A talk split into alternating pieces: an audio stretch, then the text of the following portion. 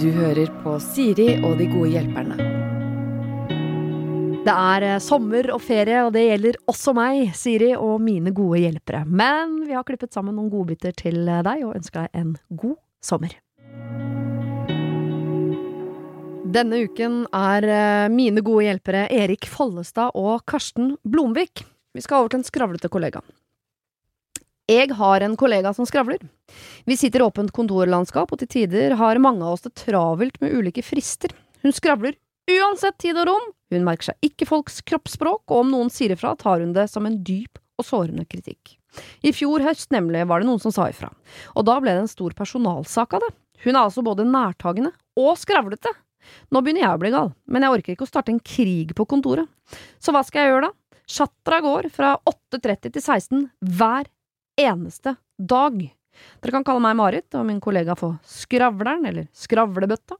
PS, jeg har et uh, deilig par med Bose nose cancelling headset, men de overser hun og stiller seg ved siden av meg helt til jeg tar dem av, så hodetelefoner er ikke løsningen som funker her. Okay. jeg tenkte å si ja, ta på deg et headset og så, mm. og så snu deg vekk. Men hvis du bare står ved siden av deg, mm. det er jo helt ekstremt. Ja. Det, vi har jo med en psykopat å gjøre. Ja, hun burde jo få en personalsak mot seg. Ja. Det er jo ikke personen som sier fra. Altså, Det der er jo helt psykopatisk. Jeg skjønner jo, fordi Vanligvis ville man enten sagt få deg sånn headset, eller ta det med sjefen. Ja. Begge de tingene har jo blitt gjort der, og har vel nesten bare forverret saken. Ja, men det er jo en ekstremt dårlig sjef da, hvis, er, hvis alle på kontoret reagerer på det samme, men så, hvis jeg forsto det riktig, så har det den personalsaken ble vel at hun følte seg dårlig mm. behandlet. Mm. Så må vi, vi må starte med å sparke sjefen. Mm -hmm. ja. uh, og så må vi få sparka hun skravlebøtte. Det, er jo, mm. jeg, jeg hadde, det hadde klikka for meg. Men jeg hadde jo eh, sagt fra eh, relativt greit, og så hadde det blitt meg eller henne. Sånn, mm. Sånt orker jeg. Jeg klarer ikke. Ja, For du har sagt fra direkte. Ja, Gjerne med litt høy stemme. Yes. Ja. Så det hadde jo blitt personalsak av det òg, tenker jeg.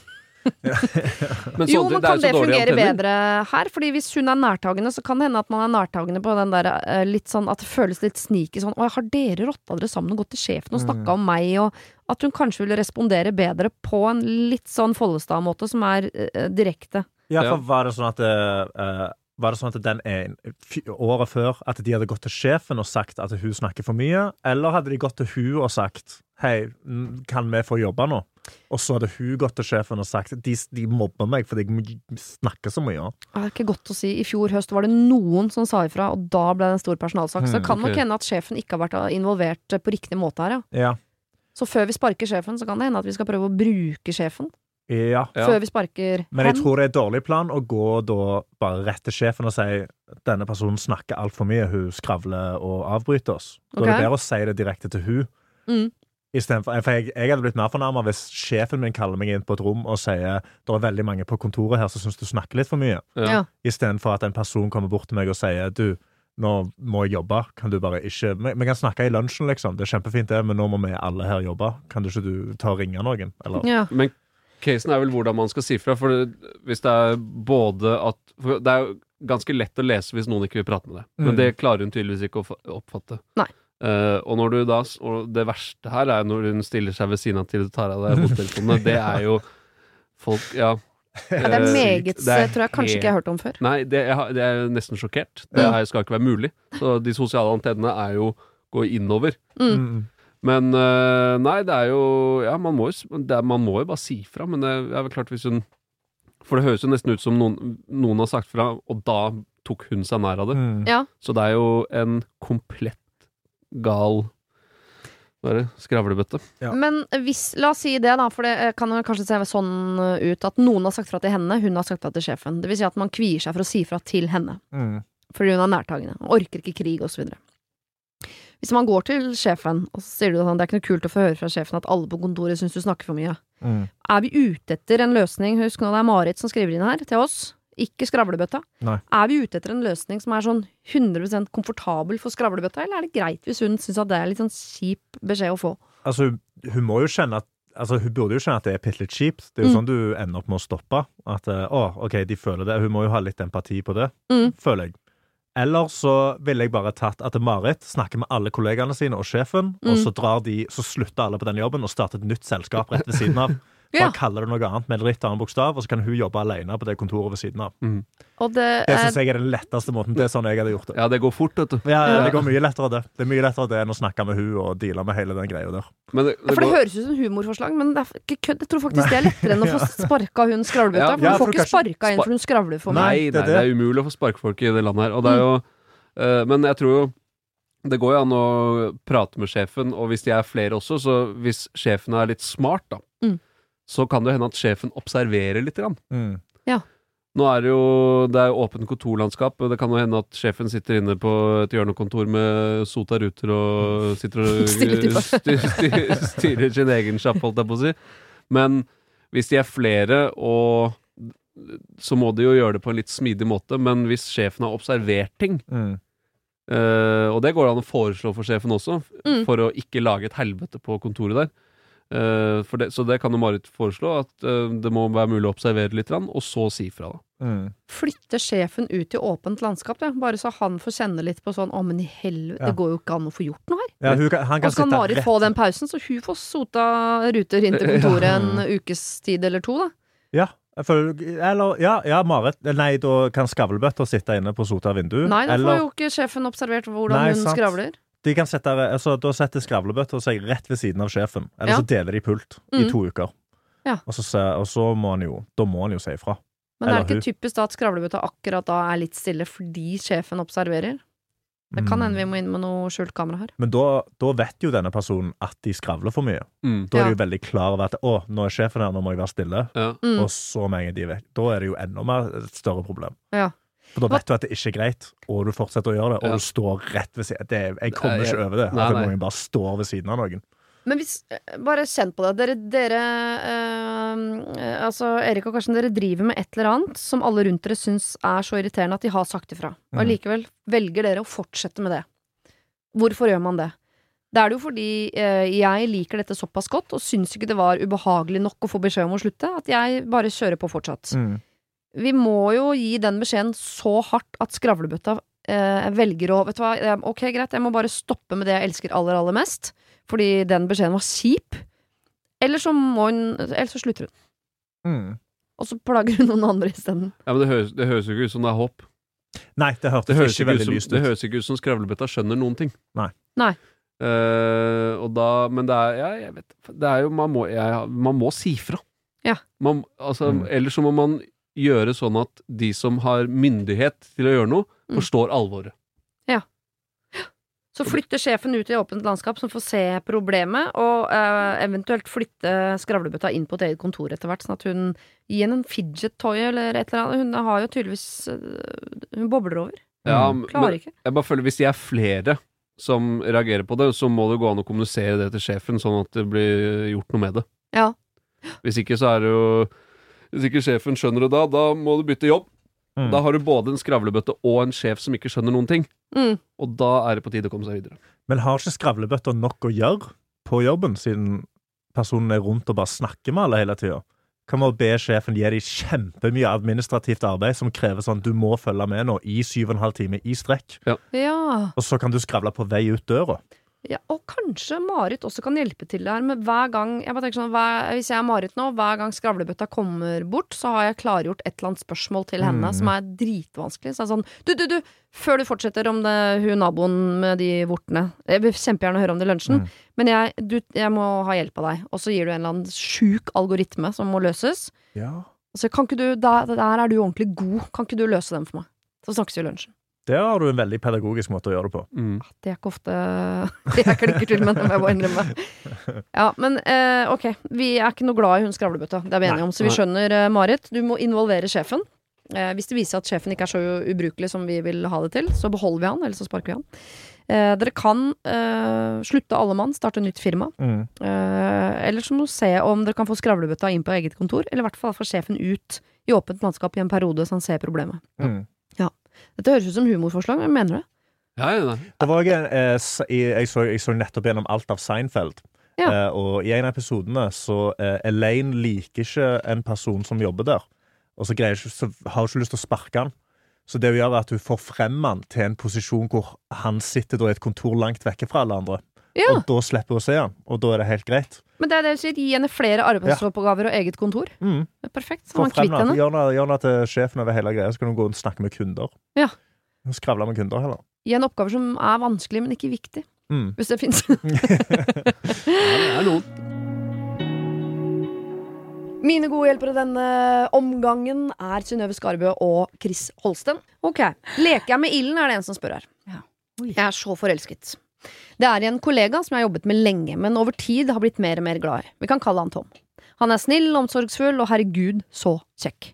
Vi er veldig gode venner på jobb og omgås også litt på fritiden, og vi har det så fint sammen. Jeg elsker å være sammen med Tom, og prøver stadig å finne unnskyldninger til å samarbeide med han på jobb for å få noen timer eller minutter sammen. Jeg tenker på han veldig mye i hverdagen. Men jeg er gift. Jeg har tre barn under seks år med min mann. Vi kan kalle han Petter. Og jeg skal ikke skilles. Jeg skal stå i det forholdet jeg er i, i hvert fall til barna er større, selv om følelsen for Petter dessverre har forsvunnet med åra. Vi har hus, lån, barn og en hverdag som ikke går opp hvis ikke denne familie-AS-et eh, fortsetter. Tom er også gift. Han er familiefar, og jeg tror uansett ikke at eh, han ville vært interessert i meg hvis han var singel, så jeg skal ikke prøve meg på Tom. Det er ikke aktuelt. Men hva gjør jeg? Jeg elsker jobben min, vi er en fantastisk gjeng med kollegaer som har det fint sammen på jobb.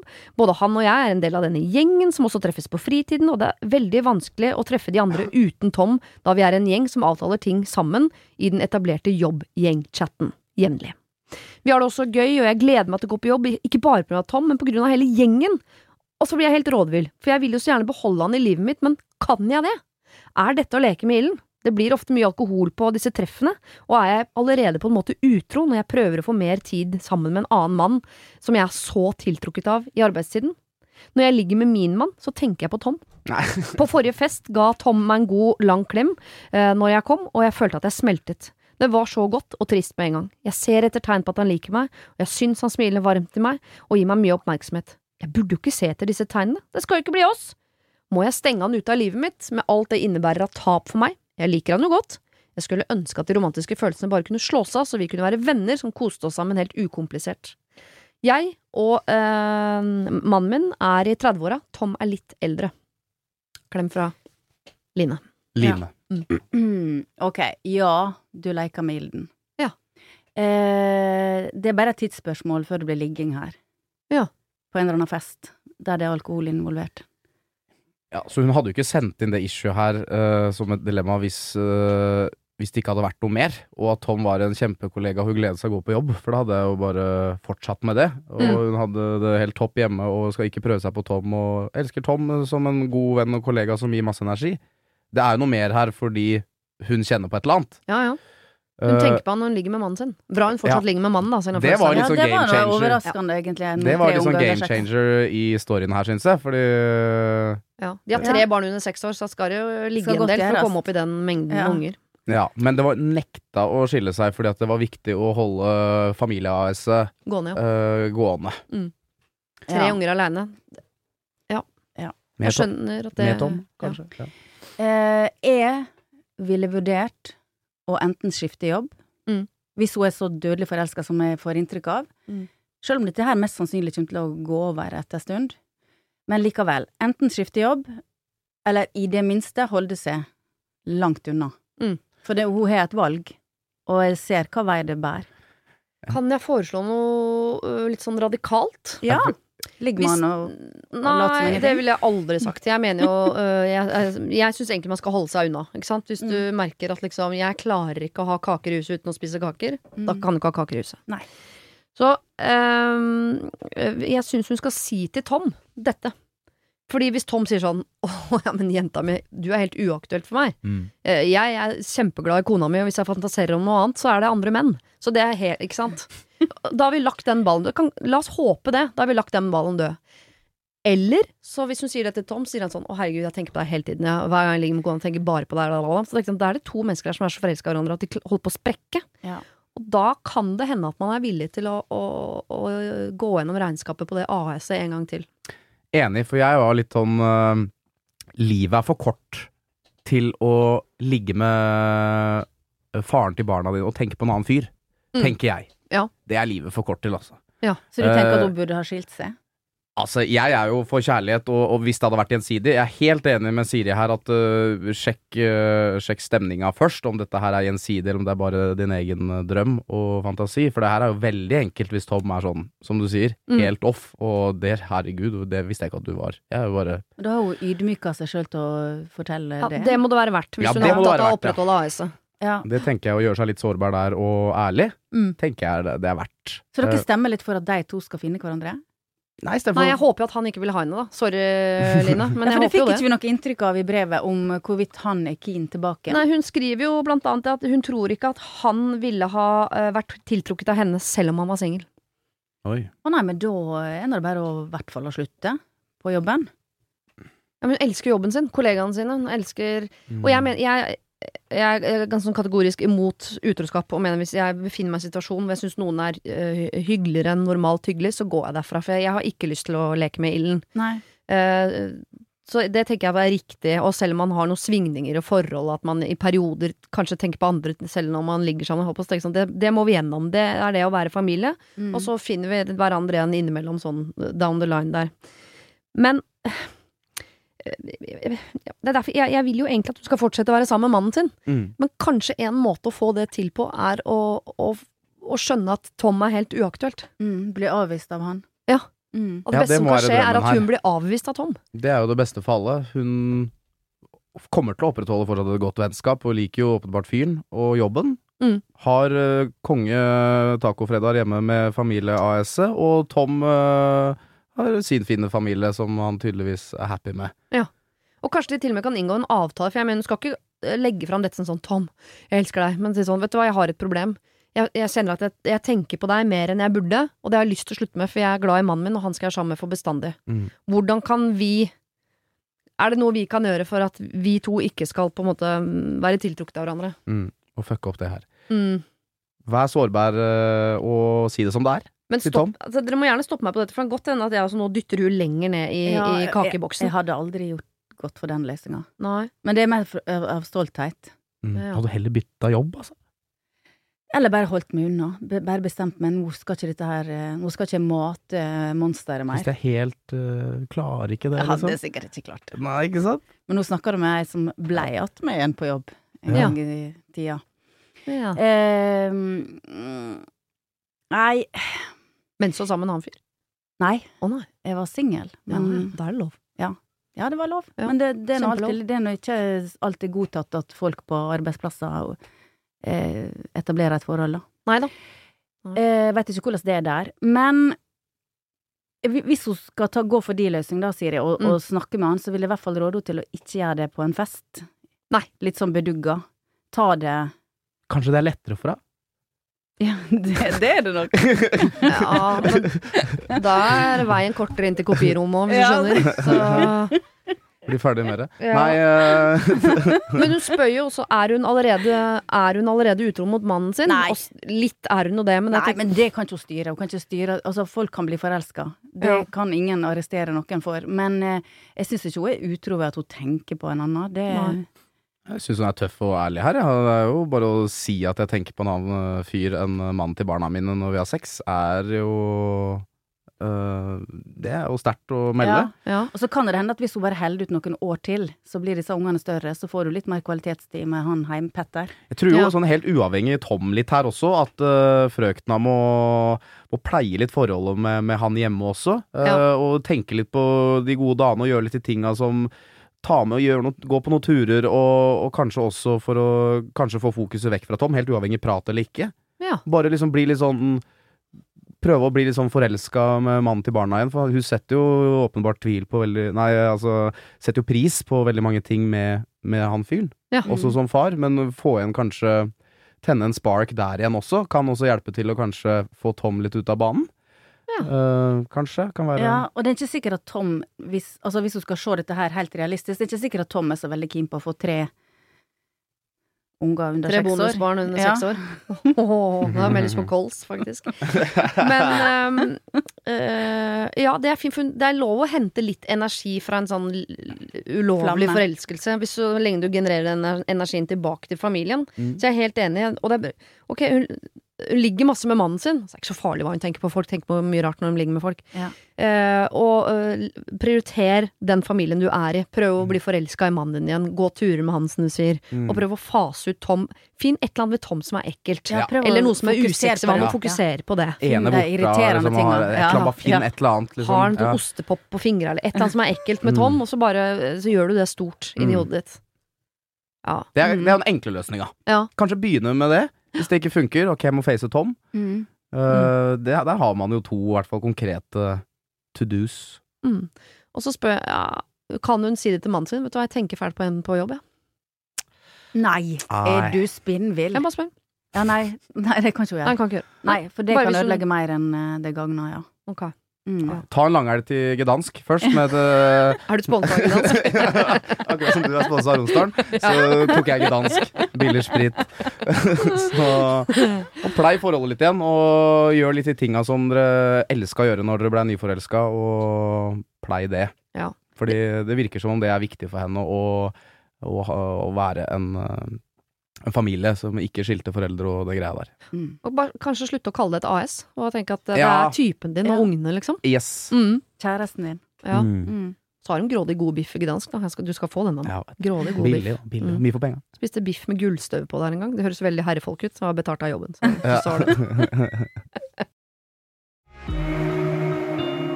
har du et problem og trenger hjelp, ja, så sender du det til meg. Da bruker du Siri, alfakrøll, radionorge.no. Denne uken er det artist Hilde Skaar og programleder Desta Marie Beder som er mine gode hjelpere. En som lurer på om hun skal være referanse. Jeg har et problem med en tidligere kollega. Vi har vært hverandres referanse, og hun har virkelig skrytt meg opp i skyene og hjulpet meg til å få eh, stillinger eh, jeg har fått, og jeg har vært hennes referanse. Nå er det lenge siden vi har jobbet sammen, og jeg trenger egentlig ikke henne lenger, men jeg ønsker selvsagt å hjelpe når hun trenger det. Hun har siden vi sluttet å jobbe sammen, havnet i konflikter i samtlige stillinger hun har hatt, og har ønsket at jeg skal opptre som hennes sjef i referanser. Hva hun ønsker at jeg skal lyve om, begynner å bli så komplisert at jeg er veldig ukomfortabel, eh, og jeg klarer ikke å lyve rett ut heller. Jeg kan gi henne gode referanser som tidligere kollega, altså for syv år siden, men hun trenger jo selvsagt noe mer enn det, hun trenger gode referanser fra en nåværende sjef. En kollega fra så mange arbeidsforhold siden har selvsagt ikke noe særlig substans. Sist jeg gjorde dette for henne, sa jeg at nå må du sørge for da, å få forholdene i orden og holde deg unna konflikter så du ikke trenger meg mer. Og jeg løy for hennes fordel og sa da at jeg var hennes sjef. Det var jeg selvsagt veldig ukomfortabel med.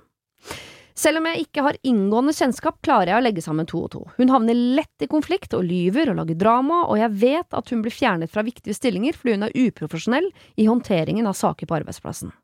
Rent moralsk skjønner jeg selvsagt at jeg ikke kan lyve på hennes vegne, men samtidig skjønner jeg at hun har vanskeligheter for å få nye jobber uten min referanse. Jeg håper jo at hun skal lære av sine feil og bare trenger én sjanse til. Men jeg håper dere kan hjelpe meg å velge riktig, og i tilfelle, hvordan kan jeg komme meg ut av denne situasjonen? Med vennlig hilsen The Swindler. Å, herregud. Oi, oi, oi. oi. Uh, uff, nei, Skal hun lyve en siste gang? Nei, Nei. det skal hun så absolutt ikke. Nei, men Nei. i alle dager. Det er jo, det er jo litt sånn svindel. Eller Ja. ikke litt, det er ganske Det er veldig svindel. Og, og, og jeg tenker jo det at um, Du vil jo ikke at andre arbeidsgivere skal få en veldig vanskelig ansatt. Altså, det, det, det må jo være at hun Nei, nei, nei, hun skal ikke lyge.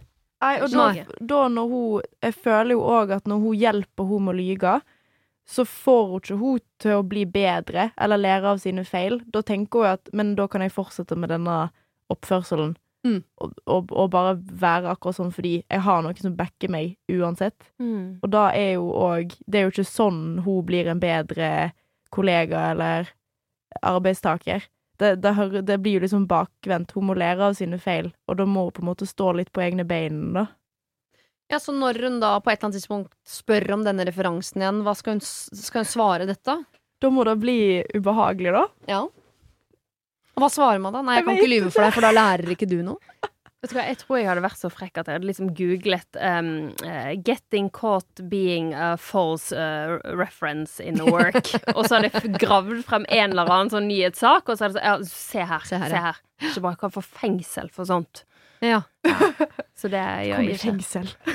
jeg, jeg, jeg ser for meg at uh, venninnen her jeg, for, jeg kan jo si jeg er helt enig med dere, jeg syns heller ikke hun skal lyve på et eller annet. Hun må slutte å lyve for venninnen sin.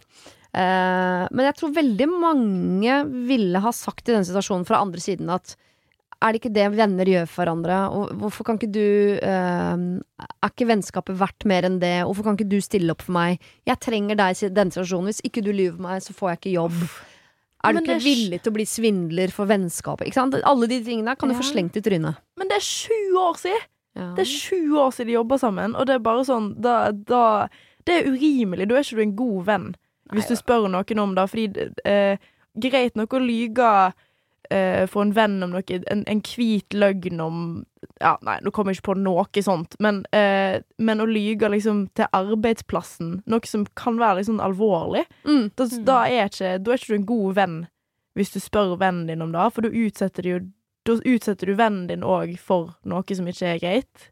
Dra de med i dragsuget. Mhm. Ja, og venner skal jo egentlig heller ikke være referanse for hverandre. Det er ofte litt sånn Det, det blir litt sånn skeitete. Jeg Ja. tenker at hvis jeg skulle ha ansatt noen, så gir det meg ikke så mye hva en tidligere arbeidsvenninne eller kompis syns. Altså, du vil jo høre fra en, fra en leder. Men Ja, men det er jo det hun skal utgi seg for å være, da. ja Og som bare lyger opp masse greier om at hun er helt uproblematisk når hun egentlig er veldig vanskelig å jobbe med. Mm. Oi, oi, oi. Nei. Men så høres det ut som de er i samme bransje, og jeg bare tenker på sånn hvis, eh, hvis jeg hadde La oss si jeg drev et firma, og så ansatte jeg en som jeg hadde fått beskjed om at hun er så ekstremt kreativ og eh, løsningsorientert og alltid godt humør og sånn, og så kommer det inn en drage, liksom, som er Så ville jeg jo også tenkt om den som var referansen sånn hva slags dømmekraft har du, da? Ja. Og hvis jeg da skal utvide firmaet, og hun potensielt hadde vært en kandidat, så hadde jeg tenkt sånn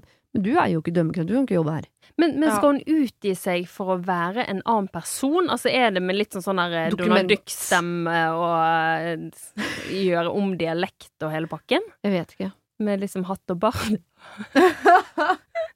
Jeg skjønner heller ikke teknika teknikaliteten i det. For skal hun på en måte s- øh, forfalske dokument hvor hun skriver sånn 'Hilsen Frank', liksom? Eller Ja, og, og operere med skjult nummer, eller hvordan skal Jeg, jeg har mange sånn praktiske spørsmål her. mm. Det er jo galskap. Og det, jeg, jeg tror denne venninnen her også trenger sånn, litt kaldt vann i ansiktet. For det er veldig typisk. Man har jo møtt noen gjennom et langt arbeidsliv, folk som har en tendens til å havne i konflikter, og som stadig tenker sånn har så uflaks, jeg. Hvor man har lyst til å si sånn ja, Det er én ting som går igjen i alle disse konfliktene her, og det er deg, og da er det Jeg vet ikke, men det kan være noe du gjør. og den lærepengen tenker jeg at det er bedre at hun får nå. Og må da kanskje jobbe litt med Ikke bare å få seg ny jobb, men å oppføre seg i den nye jobben på en måte som gjør at dette er en jobb hun beholder og trives i.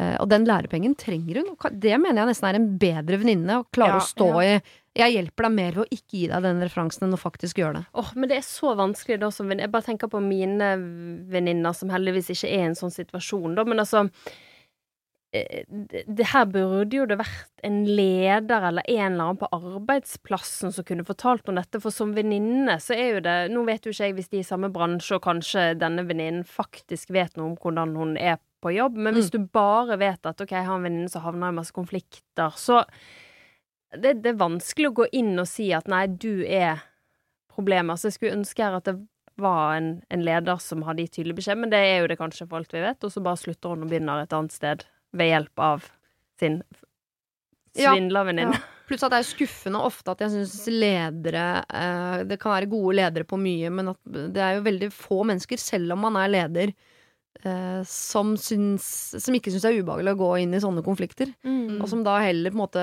finner måter å glatte over på enn å være helt sånn konkret på sånn, eh, og, og komme med den tilbakemeldingen hun trenger. Da. Men jeg tenker jo òg at de eh, At hun burde først og fremst si eh, til henne at 'jeg kan ikke lyge for deg', 'jeg kan ikke være referansen din', og at, at kanskje da burde være på en måte hovedpoenget eh, poenget hennes, da. At, at da eh, da vil bli helt feil, og nå har vi gjort det i noen år, men jeg har følt litt på det da i det siste at det, vi har ikke jobba sammen på sju år, og, og, og da, det er ikke komfortabelt for meg å, å, å være å oppgi meg som noen andre enn jeg er, Nei. og da føles feil. Da kan det jo på en måte være Og da Jeg føler jo hun burde si litt Altså hvis hun vil være god venninne, så burde hun kanskje si litt grunn til til det òg, rundt det med at hun føler at hun burde på en måte gå litt inn i seg sjøl. Men, men hovedproblemet her er jo at hun ikke vil være referansen hennes.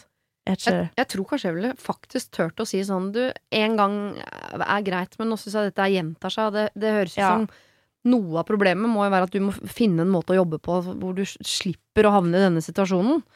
Og eh, jeg er ikke komfortabel med å lyve, og jeg håper at du som venninne også kan sette pris på at jeg er et menneske som ikke lyver, for det er jo også en, en kvalitet jeg setter pris på hos mine venner, at de faktisk ikke Ja. lyver, verken til meg eller om meg eller for meg eller ja, jeg vet ikke. Hadde dratt på med noe sånt. Eller en sånn artikkel ja, som man kunne lage noen nyhetssaker på.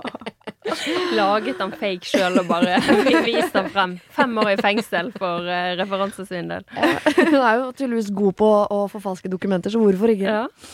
Eh, nei, men på spørsmålet om hun skal uh, lyve for venninnen sin eller ikke, så er vi ganske tydelig tre ganger nei. Nei. Nei.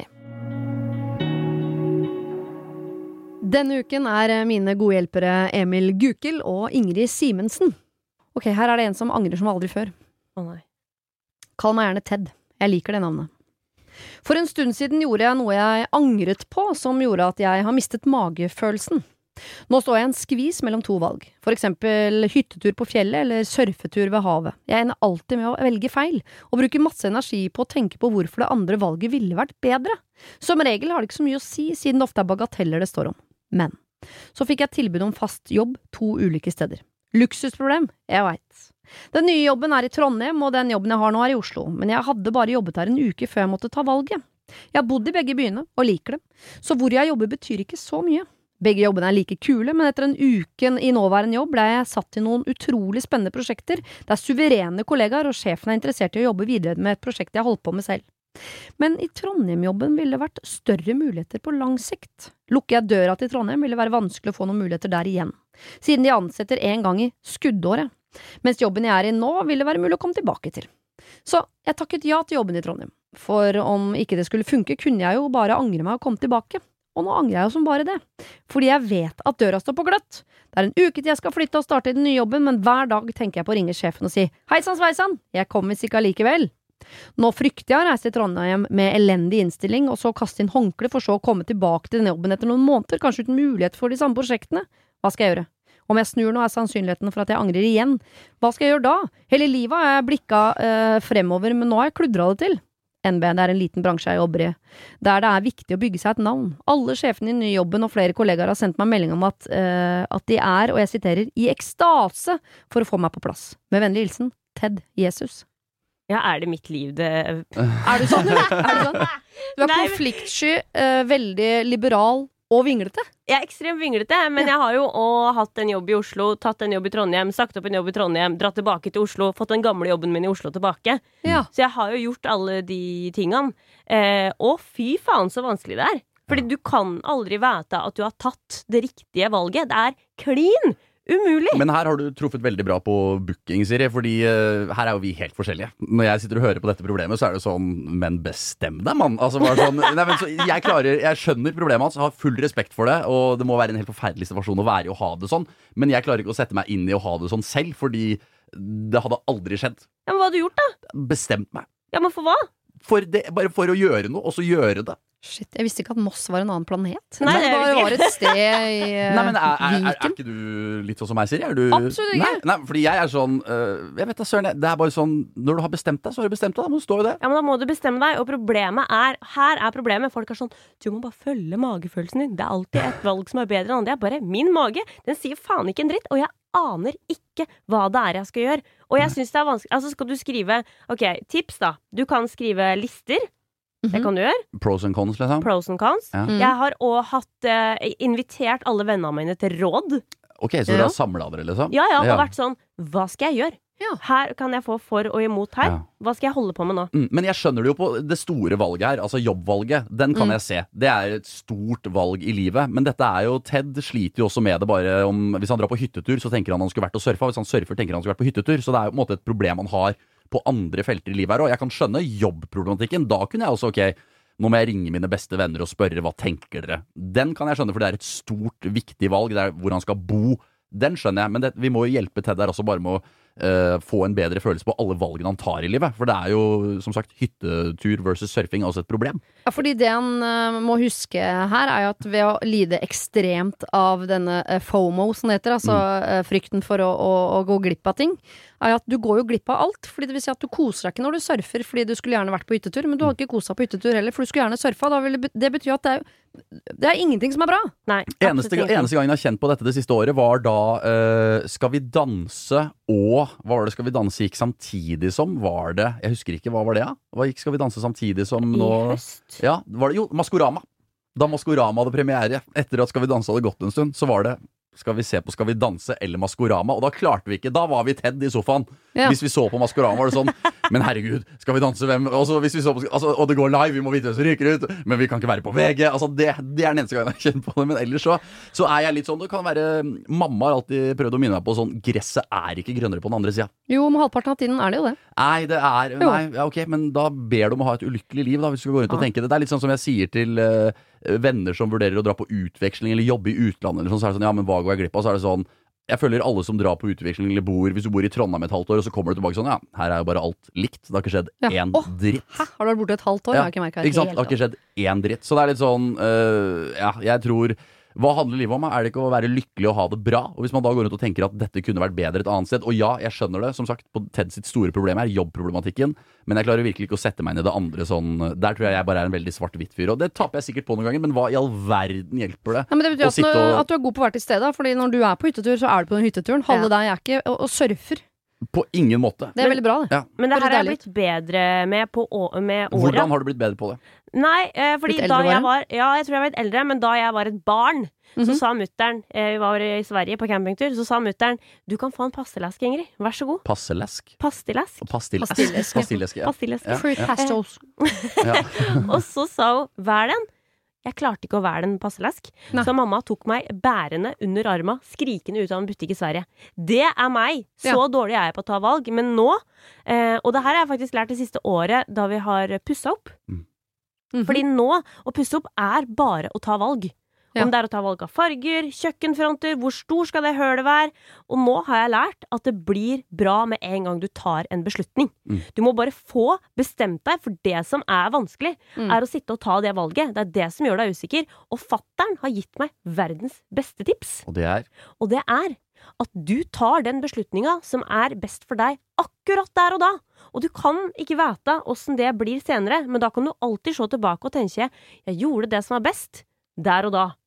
Og da må du stå i det valget. Men det, eh, jeg syns det er rart med Ted Jesus her. Det som er rart at fordi det som ofte funker for meg, er at hvis jeg ikke klarer å velge mellom A og B, så tar jeg et helt random valg. Da velger jeg bare B, for da kjenner jeg sånn Ja, ok, der landa jeg. Eller så tenker jeg sånn Nei! Ikke B!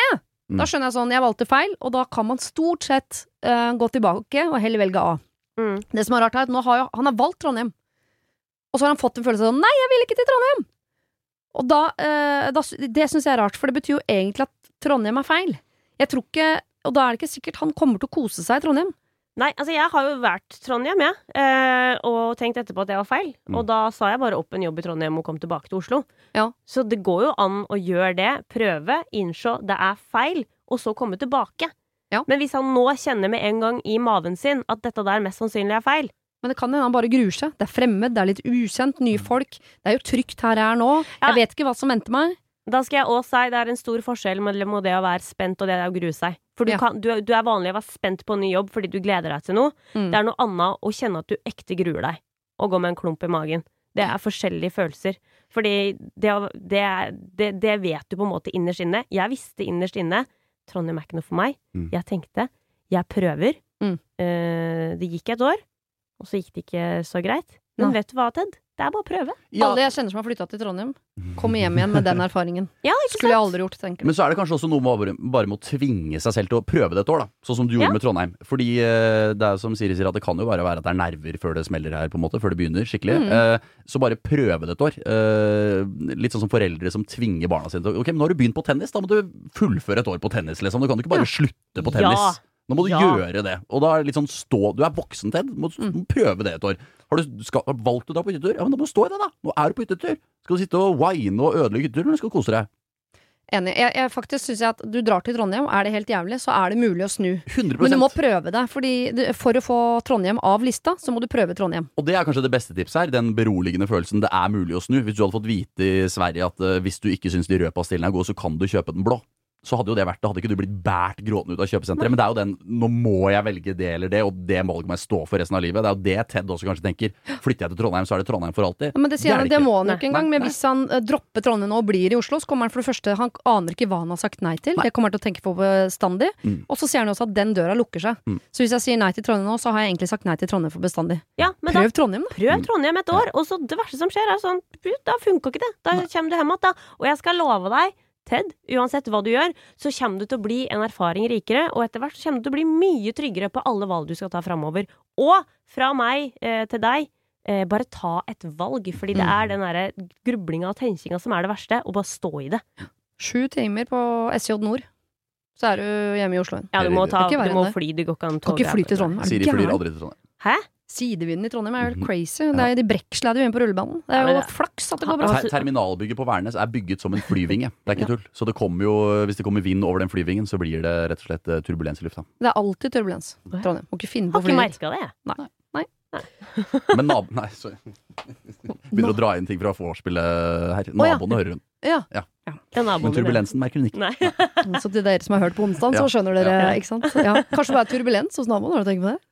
Han har bygd senga si som en Ja, hun trodde jo først det var vind. Ja. Da- Ok, så vi sier til Ted Jesus at han prøver Trondheim, bare for å få Trondheim av papiret. For han kommer til å kjenne ganske fort sånn 'dette er riktig', eller 'dette er feil'. Ja. Og da er det er vel jo noe prøvetid. Seks måneder igjen igjen. Mm. Ikke gi opp etter to uker. Seks måneder. Gi det seks måneder. Ja, og nå er jo Trondheim åpna, så da er det sikkert mye koseligere der enn da jeg var der. Ja. Kjør på. Og neste gang du står mellom surfetur og hyttetur, så velger du motsatt av det du valgte sist. Så har du prøvd begge deler. Ja, og så kan du ha mer av eh, Emil sin mentalitet. Ja, fordi Da er jo det en trøst da, hvis du sitter på hytteturen og tenker at det er kjipt. Ikke tenk åh, jeg skulle heller vært på surfetur. Tenk heller ok, men neste gang skal jeg velge surfing. Ja. Nå vet jeg at dette var feil valg. Ja! ja! Godt Veldig, tips! veldig bra. Få ting av lista, rett og slett. Har du et problem og trenger hjelp, ja, så sender du det til meg. Da bruker du Siri, alfakrøll, radionorge.no. Denne uken er mine gode hjelpere Hans Morten Hansen og Solveig Kloppen. Eh, dere kan gi meg et navn, og kollegaen min et annet navn. Det, det kan vi jo tenke litt på. Min nærmeste kollega er gravid, og hun har ADHD, og hun sliter med å konsentrere seg. Hun sliter med å planlegge, fremføre, hun er ofte sliten, følger ikke med på møter, glemmer å ta notater, har private avtaler flere ganger i uka i arbeidstiden, osv. Dette gjør at jeg ofte må ta ledelsen i våre prosjekter. Kan bare si allerede her, det er mye kunnskapsmangel rundt ADHD, men det at hun har avtaler, private avtaler i arbeidstiden, det er ikke en sånn klassisk ADHD-ting. Bare sånn Ta det fra en som vet. Hun har blitt inkludert i mange flere prosjekter enn jeg blir. Jeg synes det er rart at jeg ikke blir spurt, da jeg har vist at jeg kan levere, jeg har jobbet der lenger, og dette er ofte prosjekter som er basert på mine ideer. Ofte i møter vi har med ledelsen, så kan jeg komme med ideer som er mine alene, men så får både min kollega og jeg æren for det. Hva er greia med det? Det var min idé, jeg som gjennomførte, jeg som fremførte, hvorfor får hun kred for det hun da ikke gjorde? Det er mange flere detaljer, altså, men dere skjønner greia. Det jeg lurer på er, hvordan kan jeg slutte å irritere meg over kollegaen min? Er det bare meg, eller tar ledelsen ekstra mye hensyn til henne, og er det greit? Er det bra eller dårlig at jeg ikke blir involvert i flere prosjekter? Ser dere noe jeg ikke ser? Kom med det! Å bytte jobb bør være siste utvei, da slike problemer som dette kan dukke opp i en eventuelt ny jobb. Jeg blir her og takler den. PS, vi skal ansette en ny person på teamet vårt snart, og jeg får inntrykk av at min mening teller da jeg fikk være med å plukke ut kandidat. På forhånd tusen takk for at dere tar opp mitt problem. Ah, jeg ga dem først navnene Per og Pål, men det, oh, ja. og så visste jeg at hun, det, det ene mennesket var gravid, så da gjør Ja. jeg om på de navnene, da. Ja. Har dere noen forslag? Pia og Petra, da, eller? Ja. Ok. Jeg, jeg tenker muligens at uh, dette problemet vil jo være vekke et års tid. Mm. Ja. Mammapermtiden blir Ja. god. Mm. Og at hun da kan på en måte hvis hun, For det virker som hun har et eh, ganske sterkt behov for overfor ledelsen i dette firmaet å vise at det er faktisk jeg som eh, da, ifølge hun sjøl, gjør veldig mye av dette her greiene her. Mm. Så da vil jeg bare jobbe på bare Kjørt latt- på. Ja, Foreløpig sittet stille i båten til vedkommende går ut i permisjon, Mm. og så bare vist ofte at det er mye av dette greiene er mitt, liksom. Det er jeg som gjør jobben her, og har gjort jobben her, og så videre. Og håpe at ledelsen legger merke til sånn. Vet, Ja. Det er jo nesten som om hun som er borte, ikke er borte. Det er Altså, Ja, ja. Hun kan ikke ha gjort stort. Merker dere det, at hovedrådet vårt her i dag er Sitte stille i båten. Sitt stille i båten. Ja, Sitt Men det, det er veldig Dra i Nordmarka, dritt og sitte stille i båten. Det er de to. Ja, men, men det er nyttig å sitte stille i båten av og til, uansett. Ja. Ja. Jeg elsker uttrykket. Ja, Ja. jeg syns det er helt greit. Jeg syns båten blir til mens du ror, òg er et vakkert uttrykk. Det er ikke dumt. Nei, Det er ikke ikke dumt. Men det kan jo også hende at Pia eh, Er vi enige om hvem som er Pia og Petra her nå? Pia er hun som eh, Sender inn. Petra er gravid. Mm, Mhm. Petra er gravid. Det kan jo hende også at, um, at de i ledelsen ikke har fått med seg eh, Kanskje Petra har eh, vært tydeligere på at hun trenger bekreftelse på en eller annen måte, at det er derfor de gir henne liksom anerkjennelse for jobben som er gjort, og, og at de tenker at Pia, ja men du er, hun er jo så trygg, vi vet at det egentlig er din idé, men vi, er, vi er litt sånn greie og inkluderende overfor eh, Petra her. Mm, for hun jobber veldig bra, hun også, under riktige forutsetninger. Ja, ja. Mm. Og så kan det jo hende også, det er sikkert nå er det veldig mange eh, nyanser innenfor ADHD-begrepet, men eh, det er jo ofte veldig karismatiske folk. Og de eh, blir også lagt merke til, noen ganger ufortjent mye på en arbeidsplass. Ikke for å sammenligne for mye, men jeg har jo jobba på en arbeidsplass tidligere hvor jeg følte at det var to veier til toppen. Du kunne gjøre en god jobb, eller du kunne være jævlig gøyal på fest. Eh, jeg er ikke så gøyal på fest. eh, måtte gjøre en så god jobb som mulig, men jeg følte at vi var en gjeng som gikk parallelt opp eh, lang på fjellet, opp mot toppen. Og det er dritprovoserende, så jeg kan skjønne at hvis hun bare er karismatisk, men egentlig ikke jobber noe særlig, og så får dere samme ros, det er klart det er irriterende, men jeg vet ikke er hva man alltid kan noen, gjøre noe det er alltid noen på en arbeidsplass som er veldig gode å snakke for seg, og du føler at de liksom flyter litt på det, da. Men visste, eller vet, vet vi om ledelsen visste at denne vedkommende muligens har en diagnose som gjør at eh, Siden hun her vet det, så tipper jeg at ledelsen Alle. vet det. For enten så er man jo åpen om det, eller ikke, ikke at hun har hengt opp plakat, men hun har antageligvis sagt det til nærmeste kollega, Ikke sant? sjefen. Men, men kan, er det et lite element av eh, kanskje litt sånn eh, pitty greier òg, Mhm. med at vedkommende har jo en diagnose, så vi får Ja, prøve prøve å hjelpe henne litt, altså gi litt ekstra oppmuntring og sånne ting. For eh, som du sier, det er utrolig mange grader av det spekteret, og du kan være eh, mange plasser, og, og faktisk eh, i- mange tilfeller så merker du ikke at folk faktisk har den diagnosen heller. Nei.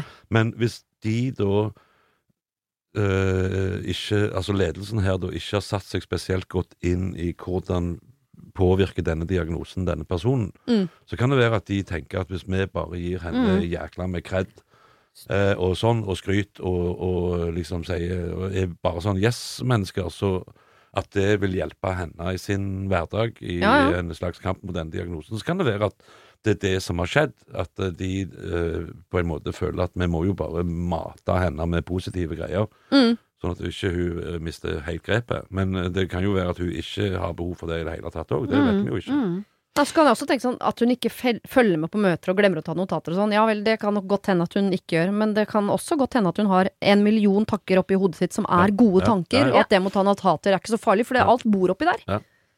Ja, for hvis hun egentlig er helt uh, inkompetent og udugelig, Mm. uh, så kommer hun det, Kommer ikke dette til å vare, liksom. Nei. Det kan jo være en slags trøst for Pia, da, at uh, på sikt så er det jo Kan det jo være en, helt klart en fordel å være bedre på jobb enn på fest, liksom. Mm. Men, men Eh, jeg, for jeg, jeg, tror, jeg tror at dagens private næringsliv er såpass brutalt at uansett hva, hva diagnoser du eventuelt drar med deg inn i det, så vil de, som Solveig sier, merke at hun er faktisk ikke så flink i den jobben, liksom. Og det hjelper jo Altså, vi, vi trenger jo ikke sy puter under armene på folk heller. sant?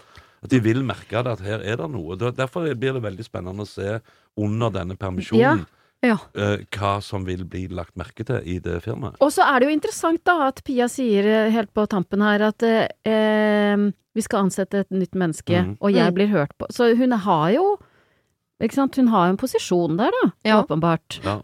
Og det kan være at den pos- posisjonen er sterkere enn det hun Hun- tror ja. i utgangspunktet. Ja, og så eh, Jeg bare sto og tenkte på Kunne hun liksom gått til ledelsen og sagt jeg trenger også positiv feedback nå, men det er, ikke- Ja. det er ikke noe gøy å Altså, den blomsterbuketten du har sendt melding om at du vil ha, er ikke Ja. like fin som den du bare fikk. Ja, ja. Men jeg syns også bare eh, Hvis denne kollegaen da, Petra, hun har ADHD, og det tenker jeg sånn Du kan godt jobbe imot det og bli irritert og tenke at hun skal må bare komme over eh, diagnosen sin og bare levere som alle andre. Det er litt som å ansette en som ikke kan se, og si sånn Men drit i den der synshemminga, jeg kan jo bare lese som alle andre. Det går, sånn er det med ADHD. De har det, og du kan ikke kjefte det bort. Så kanskje du, i likhet med ledelsen, også kan legge til rette og finne sånn Når er det hun jobber optimalt? For hun har tydeligvis skills som gjør at hun har fått denne jobben. Og som ledelsen også setter pris på. Så ok, hun klarer ikke å ta notater, da. Ta notater, du, så tenker sånn Her er de oppgavene du må gjøre. Og gi helt konkrete sånn Dette er dine oppgaver, dette er mine oppgaver. Og når dere da kommer til leveranse, så vil det jo synes som hun har gjort sine. Ja, ja. Istedenfor å, å i det stille bli irritert og si sånn ah, da får jeg gjøre dine oppgaver. Og, fordi det, det gagner jo ingen. Nei. Men spørsmål. Er det, er det Petra som tar æren uh, for ting eller, og ideer Pia har kommet med, eller er det ledelsen som Det sier hun ikke nå, men jeg, jeg tipper hun hadde sagt det hvis det var sånn at Petra sa sånn Det, var, det var min idé, idé! ja. For Ja. da er det jo Det er irriterende. Ja. Og det har ikke noe med en diagnose eller da har du bare ræva personlighet. Mm. Så hun spør hvordan kan jeg slutte å irritere meg over kollegaen min. Tenker sånn, Jeg kan i hvert fall prøve å tenke at den diagnosen, den er der. Den, du kan ikke liksom be folk skjerpe seg når de har den diagnosen. Hun har den. Mm. Er det bare meg, eller tar ledelsen ekstra mye hensyn til henne? det kan godt hende de Ja. gjør. Er det greit? Ja, det syns jeg de Ja. skal. Ja. Uh, det er liksom ikke sånn Å ja, skal vi få heis bare fordi det er en med rullestol som skal begynne å jobbe her? Altså! Mm. Ja. Kan ikke gå i trapper som alle andre? Nei, kan ikke det. Er det bra eller dårlig at jeg ikke blir involvert i flere prosjekter? Det er dårlig. Men det må du ta opp med ledelsen. Det har ikke noe med kollegaene dine å gjøre. Hun har ikke vært inne og sagt sånn Drit i hun kollegaen min. Nei, hun må jo tilby seg å Ja, ta ja. mer aktiv del i andre prosjekter, da, føler jeg. Ja. Ser dere noe jeg ikke ser, kom med det. Og det har vi jo kommet med allerede. Ja. tenker sånn, her er mye som kan skjerpes på. Men de der, den mammapermperioden nå, den vil jeg også Den vil jeg ha melka. Den vil jeg ha ja. Ja. absolutt. Og vis, da får du virkelig vist hva du er god på. Men jeg tror kanskje det kan være litt viktig uh, i forbindelse med denne nyansettelsen, eller den Mhm. som skal inn i den uh, funksjonen, at uh, hun som da har ansienniteten her, at hun er tydelig overfor den personen med jeg er på en måte lederen din, selv om det ikke står på papiret. Du skal inn og gjøre en jobb som en kollega av meg har gjort i ett år. Mm. Er du her? Og jeg, jeg har vært her lenge. Jeg vet hva jeg holder på med. Dette, dette gjør meg at hun ikke eh, eh, Skal hun si det, mener du, til hun nye som kommer? Du trenger ikke si det, men du kan på en måte vise det gjennom jobben din. At Ja. eh, jeg har på en måte et litt overordna ansvar i forhold til deg. Ja. Tenker jeg. Ja, liksom, hvis det er noe du lurer på, så ha, Så bare spør. spør, for jeg har jobba her en Ja. stund. For jeg Ja. tror hadde jeg kommet inn døra på en jobbplass så hadde jeg blitt møtt av kollegaer sånn Jeg har jobba her lenger enn deg, bare vær klar over det, så jeg er over deg i rang. Så tenker jeg Ja. sånn Du må dø Jeg, sakte på jordbordet. jeg kunne funnet på å gjort sånn. Men fordi at jeg tenker jo Jeg har jo lyst til å si til Pia sånn Du bare Uh, ja, sitt, sitt stille i båten akkurat nå. Ja. Pluss uh, prøv å være litt raus, liksom. Jeg skjønner at det er irriterende at hun kanskje får noen sånne shortcuts, men hun trenger det. Ja. Mm. Denne uken er mine gode hjelpere Magnus Devold og Ulrikke Brandstorp. Jeg elsker en eldre mann. Vi holder oss innenfor kjærlighetssegmentet. Jeg trenger virkelig deres hjelp. Jeg tror jeg har funnet drømmemannen min. Dere tenker sikkert hva er problemet? Jo, han er tol- tolv år eldre enn meg, og han jobber der jeg er midlertidig ansatt. Litt om situasjonen. Jeg er nå ansatt i drømmejobben, midlertidig i studieløpet mitt, og er ferdig der etter sommerferien. I starten snakket jeg jo lite med han, og det var ikke noe kjærlighet ved første blikk akkurat, men etter å ha jobbet på hans team noen uker, falt jeg pladask. Han er virkelig den fineste og beste mannen jeg har møtt. Er det mulig? Vi har en veldig god og flørtete tone på jobb, som uendelige seksuelle blikk til hverandre. Leken flørting, dype samtaler om vårt privatliv, noe som jeg absolutt ikke gjør med noen av de andre ansatte der. Og vi har sykt mye til felles. Problemet er, hva gjør jeg, hvordan går jeg fram? Jeg er redd for at han tenker at jeg er for ung, og han er for gammel, at dette skal ikke fungere, men jeg tror jo men at jeg er klar eh, for Men jeg Jeg leser om igjen, jeg. Men jeg er jo klar for den rette tross ung alder. Jeg klarer ikke å tenke på annet enn han og fantaserer om en felles framtid sammen. Men hallo, ser han ikke at jeg er håpløst forelsket i han? Jeg trenger desperat hjelp. Ung jente skal sjekke opp eldre fyr på Ja, ikke jobben. sant, så de er ikke noe enda Nei. Det er bare flørte... Lange seksuelle blikk. Lo. Ja. Er det noe alder på de? Mm, Nei. Det, nei, han er bare tolv år eldre, og hvis hun Ja. er i studieløpet, la oss si for å gjøre matten enkel, Mm. hun er 22, han er 34. Blir det det? Blir ikke det? 12 år? Jeg trodde jeg gjorde det så enkelt for meg at han skulle bli noe rundt hvis hun var 22, og det var 18 år imellom. 23-35? Ikke 18 år mellom. Tolv år mellom! Ja. Ja, greit. Okay. Mm, jeg er med. Hun er 28, han er 30. Nei, nå er det to år mellom. Hun er 12, han er 2. Drit i Hun det. er jeg får 16, med, jeg han er orker ikke. 28. Ja, øh, eh, eh, nei, nå skal jeg til å snikskryte om noe helt annet. Vær så snill. Jeg, har- jeg har trent i dag, hjernen min er ikke til stede. Ok. Tolv år mellom. Ja. Men jeg umiddelbart tenker hva, hva, hvor langt De har snakket om dype private ting her i livet, liksom. Mm. Men de har ikke sussa eller noen ting. Nei. Og Ja, da håper jeg du har nevnt det, for det vil jeg vite i så fall. Ja, Mm. fordi det er jo liksom fa Faren her nå, sånn som jeg leser det, er jo at hun tenker alle disse tingene, Mm. mens han bare tenker eh, koselig blikk. På en måte, dette var gøy. Ja. Vi vet jo ikke om han er med på fremtiden. Nei, Vi vet jo heller ikke om han er han gift og har to barn og hun er student. Ja, Liksom, det eller? håper jeg også hun Ja, hadde det nevnt. håper jeg Det også hun hadde hun nevnt. ja. Ja. Jeg Nei. bare, her har vi en typisk øh, Altså Hun er så forelska at hun har lagt hele framtiden. Ja. Og så, de har ikke kyssa engang. Kanskje han er Mm. verdens dårligste kysser? Kanskje han kler seg med nagler på fritida. Vi vet ikke. Men det hørtes ut som en film. Ja. En serie.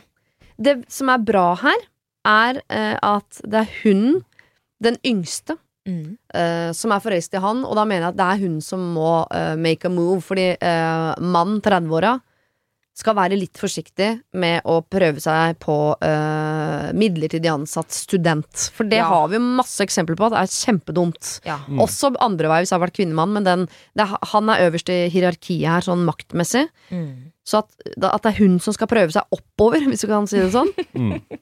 det mener jeg er helt Ja. essensielt her. Og, og det, det har hun jo muligheten til. Det, det har hun jo muligheten til, og det er jo Jeg er jo også sammen med en som er ni år yngre. Mm. Eh, det, altså, det er jo ikke noe sånn Det er jo ikke noe, sånn der- noe helt annet du må tenke på å gjøre Jeg syns jo på en måte overskriften nesten heller burde være 'forelsket i kollega' Ja. enn 'forelsket i tolv år eldre mann'. Mm. For det fins jo masse eksempler på det. og når han er 108, så er du 96. Så det altså, den aldersforskjellen blir jo mindre og mindre uansett. Mm. Og, men at, øh, at han er tolv år eldre, det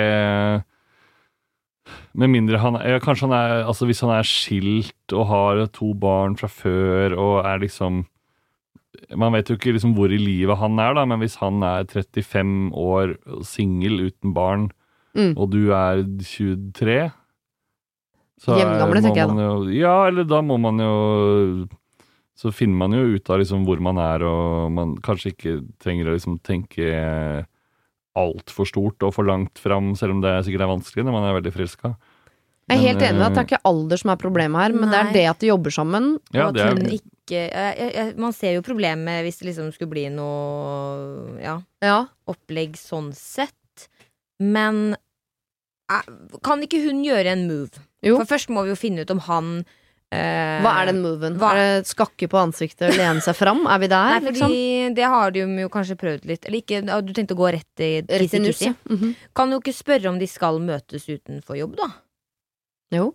Det er vel kanskje det beste stedet. Jeg hadde ikke tatt dette over lunsjen mens de velger brødskiver, på en måte. Eh, og hvis det er sånn at eh, dette er noe han også kan luske en framtid der framme, Mm. eh, så Jeg vet ikke, kanskje ikke du skal spørre det på første date. Det er kanskje litt voldsomt. Ser du en framtid med meg? Det, det kan være litt voldsomt. Ja. Eh, men det vet, jeg vet ikke også, Jeg spurte jo Oskar om han ville ha barn på første date, så det er jo liksom hvem du er som person. Ja. Eh, og han ble Hva svarte han? eh, han ville ha barn. Ja. han ble ikke skremt. Nei. Eh, men det kan jo hende denne tolv år eldre blir litt skremt. Det Mm. vet vi jo ikke. Mm. Men at hvis du lar det gå et par dates, da, så Mm. skjønner du jo litt sånn eh, Jeg tenker jo at hvis du uansett vil ha en framtid, så bør du jo kunne snakke litt sammen. Mm. Uh, og da, hvis man skjønner at det her er eh, noe bra, Mm. så, og man er redd for en jobb, at det skal bli spørsmål ved jobben og sånne ting Nå har jeg aldri jobbet i et sånt firma, så jeg vet liksom ikke helt hvordan man går fram. Ingen her som har gjort. Nei, ikke sant. Men jeg ser for meg at det er noen, du, noen sånn, som har en oppgave her som du skal snakke med, Mm. som har litt ansvar over det, de folka på jobben, og si at liksom hei, vi har begynt å date, og dette er noe fra begge sin side, at liksom, det er ikke noe uh, galt her. Så har man liksom helgardert seg. Ja. Så slipper man å føle på at det, det, det er noen sånn hemmelighetsgreier. For det er jo ikke bra. alt det der er jo potensielle problemer som kan oppstå i framtiden hvis matte dersom at. Ikke sant? Så jeg tenker problemet nå er Du jobber på et sted hvor det er en mann som du er dritforelska i, og du har ikke, du har ikke liksom det er, Man må ta det derre første steget, Fordi hvis det viser seg at han også er forelsket i henne, så er egentlig Da er alder er ikke viktig lenger. Nei, da er plutselig ikke det at de har jobba på samme sted så viktig lenger, for de tingene der finner du ut av. Det, det hun må gjøre, er jo å få dette ut av kantina, lange blikk, Mm. over i noe annet.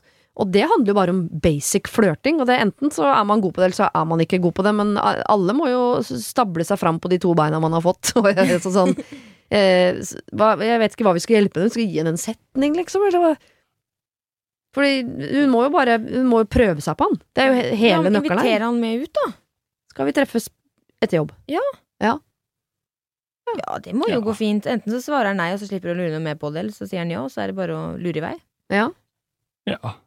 Og ta Trenger ikke nødvendigvis å gå sånn Skal vi ta en Å gå på en date, Nei, nei. men heller Oi, det, dette bandet skal ha konsert. Den var fin. Snakk om det i lunsjen, og så Jeg har tilfeldigvis to billetter. At det er sånn Få han med da, da blir det jo ikke så øh, flaut hvis han avslår heller. Jeg bare lurer på den gode, flørtete tonen. Hva er den, liksom? Er det litt sånn Mm. ertete? For du kan jo bare videreføre den, da. Du må Ja. erte han litt tilbake, liksom. Du er veldig god på å flørte, men Men du Skjer ikke så mye. Oh, Det liker jeg. Den syns jeg var god. Det seksuelle blikket der, Mm. er det innafor på HMS-en, eller hva? Ta det på vei ut. ja. Ut av bygningen etter jobb. Jeg tenker at hvis de allerede flørter og har lange seksuelle blikk Det er jo ikke så mye som skal til for å vippe over, men det er hun som gjør det. For jeg tipper han ikke gjør det, for han tenker sånn Jeg er eldre, Ja. Mm. eh, jeg, han er ikke sjefen hennes, men jeg er lederen hennes. Jeg, han har ikke lov. Mm. Så grunnen til at han ikke har gjort det, for han har ikke lov. Mm. Så hun må gjøre det. Og det er ikke så mye som skal til for Nei, å vippe nei, nei. han fra flørtete seksuelle blikk og over i noe mer konkret. Go for it. Vi heier. Ja, vi heier på det, ass. Ja. Det var det. Husk å sende ditt problem til siri at radionorge.no om du vil ha hjelp. Denne podkasten er produsert av Klynge for Bauer.